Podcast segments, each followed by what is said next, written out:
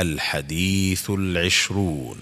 عن جبير بن مطعم رضي الله عنه أن النبي صلى الله عليه وسلم قال يا بني عبد مناف لا تمنعوا أحدا طاف بهذا البيت وصلى أية ساعة شاء من ليل أو نهار.